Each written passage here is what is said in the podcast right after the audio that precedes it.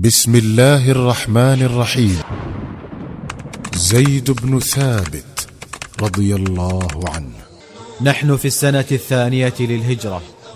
ومدينة رسول الله صلوات الله وسلامه عليه يموج بعضها يومئذ في بعض استعدادا لبدر. والنبي الكريم يلقي النظرات الأخيرة على أول جيش يتحرك تحت قيادته للجهاد في سبيل الله. وتثبيت كلمته في الأرض.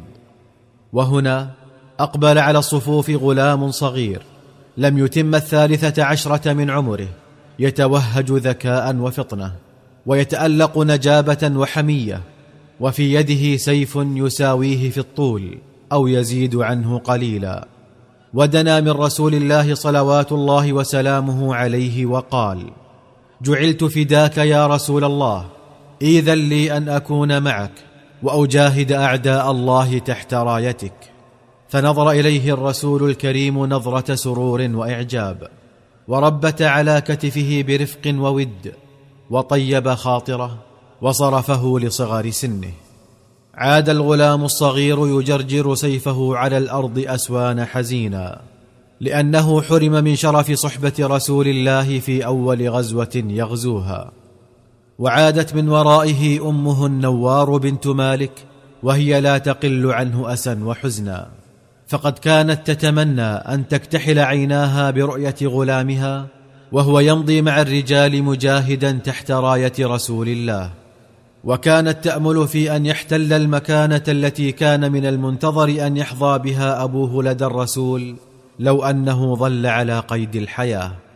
لكن الغلام الأنصاري حين وجد أنه قد أخفق في أن يحظى بالتقرب إلى رسول الله في هذا المجال لصغر سنه تفتقت فطنته عن مجال آخر لا علاقة له بالسن يقربه من النبي صلوات الله وسلامه عليه ويدنيه إليه.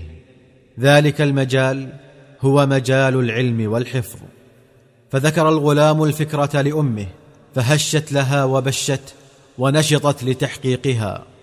حدثت النوار رجالا من قومهم برغبة الغلام وذكرت لهم فكرته فمضوا به إلى رسول الله صلوات الله وسلامه عليه وقالوا يا نبي الله هذا ابننا زيد بن ثابت يحفظ سبع عشرة سورة من كتاب الله ويتلوها صحيحة كما أنزلت على قلبك وهو فوق ذلك حاذق يجيد الكتابة والقراءة وهو يريد أن يتقرب بذلك إليك وأن يلزمك.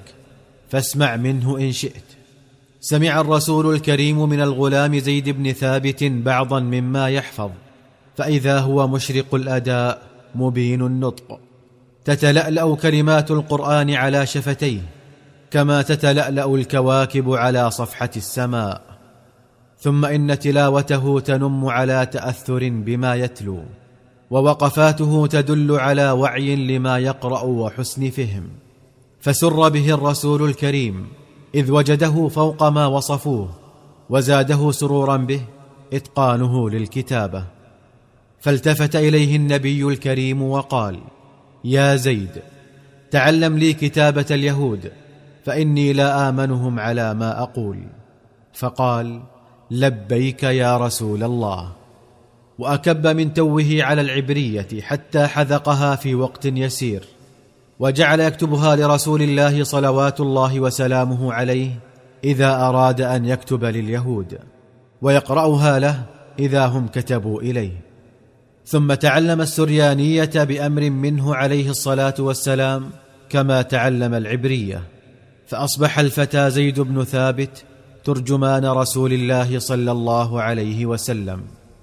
ولما استوثق النبي صلوات الله وسلامه عليه من رصانة زيد وأمانته ودقته وفهمه ائتمنه على رسالة السماء إلى الأرض فجعله كاتبا لوحي الله. فكان إذا نزل شيء من القرآن على قلبه بعث إليه يدعوه وقال اكتب يا زيد فيكتب. فإذا بزيد بن ثابت يتلقى القرآن عن رسول الله صلى الله عليه وسلم آنا فآنا فينمو مع آياته ويأخذه رطبا طريا من فمه موصولا بأسباب نزوله فتشرق نفسه بأنوار هدايته ويستنير عقله بأسرار شريعته. وإذا بالفتى المحظوظ يتخصص بالقرآن ويغدو المرجع الأول فيه لأمة محمد بعد وفاة الرسول صلوات الله وسلامه عليه. فكان رأس من جمعوا كتاب الله في عهد الصديق وطليعة من وحدوا مصاحفه في زمن عثمان. أفبعد هذه المنزلة منزلة تسمو إليها الهمم؟ وهل فوق هذا المجد مجد تطمح إليه النفوس؟ وقد كان من فضل القرآن على زيد بن ثابت أن أنار له سبل الصواب في المواقف التي يحار فيها أولو الألباب.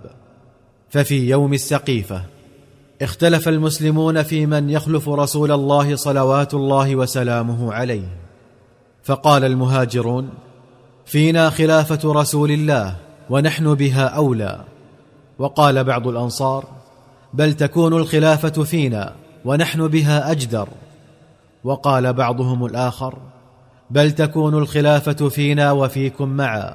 فقد كان رسول الله صلوات الله عليه وسلامه. إذا استعمل واحدا منكم على عمل قرن معه واحدا منا. وكادت تحدث الفتنة الكبرى ونبي الله ما زال مسجا بين ظهرانيهم لم يدفن بعد. وكان لا بد من كلمة حاسمة حازمة رشيدة مشرقة بهدي القرآن. تأيد الفتنة في مهدها وتنير للحائرين الطريق. فانطلقت هذه الكلمة من فم زيد بن ثابت الأنصاري إذ التفت إلى قومه وقال يا معشر الأنصار إن رسول الله صلى الله عليه وسلم كان من المهاجرين فيكون خليفته مهاجرا مثله. وإنا كنا أنصار رسول الله صلى الله عليه وسلم فنكون أنصارا لخليفته من بعده وأعوانا له على الحق. ثم بسط يده إلى أبي بكر الصديق وقال هذا خليفتكم فبايعوه. وقد غدا زيد بن ثابت بفضل القرآن وتفقهه فيه وطول ملازمته لرسول الله صلى الله عليه وسلم منارة للمسلمين. يستشيره خلفاؤهم في المعضلات ويستفتيه عامتهم في المشكلات. ويرجعون إليه في المواريث خاصة إذ لم يكن بين المسلمين إذ ذاك من هو أعلم منه بأحكامها وأحذق منه في قسمتها. فقد خطب عمر رضوان الله عليه في المسلمين يوم الجابية فقال أيها الناس من أراد أن يسأل عن القرآن فليأت زيد بن ثابت ومن أراد أن يسأل عن الفقه فليأت معاذ بن جبل. ومن أراد أن يسأل عن المال فليات الي فإن الله عز وجل جعلني عليه واليا وله قاسما. ولقد عرف طلاب العلم من الصحابة والتابعين لزيد بن ثابت قدره فأجلوه وعظموه لما وقر في صدره من العلم. فها هو ذا بحر العلم عبد الله بن عباس يرى زيد بن ثابت قد هم بركوب دابته. فيقف بين يديه ويمسك له بركابه ويأخذ بزمام دابته. فقال له زيد بن ثابت دع عنك يا ابن عم رسول الله. فقال ابن عباس هكذا أمرنا أن نفعل بعلمائنا. فقال له زيد أرني يدك. فأخرج ابن عباس يده له فمال عليها زيد وقبلها وقال هكذا أمرنا أن نفعل بآل بيت نبينا. ولما لحق زيد بن ثابت بجوار ربه بكى المسلمون بموته العلم الذي ووري معه. فقال أبو هريرة اليوم مات حبر هذه الأمة وعسى أن يجعل الله في ابن عباس خلفا منه.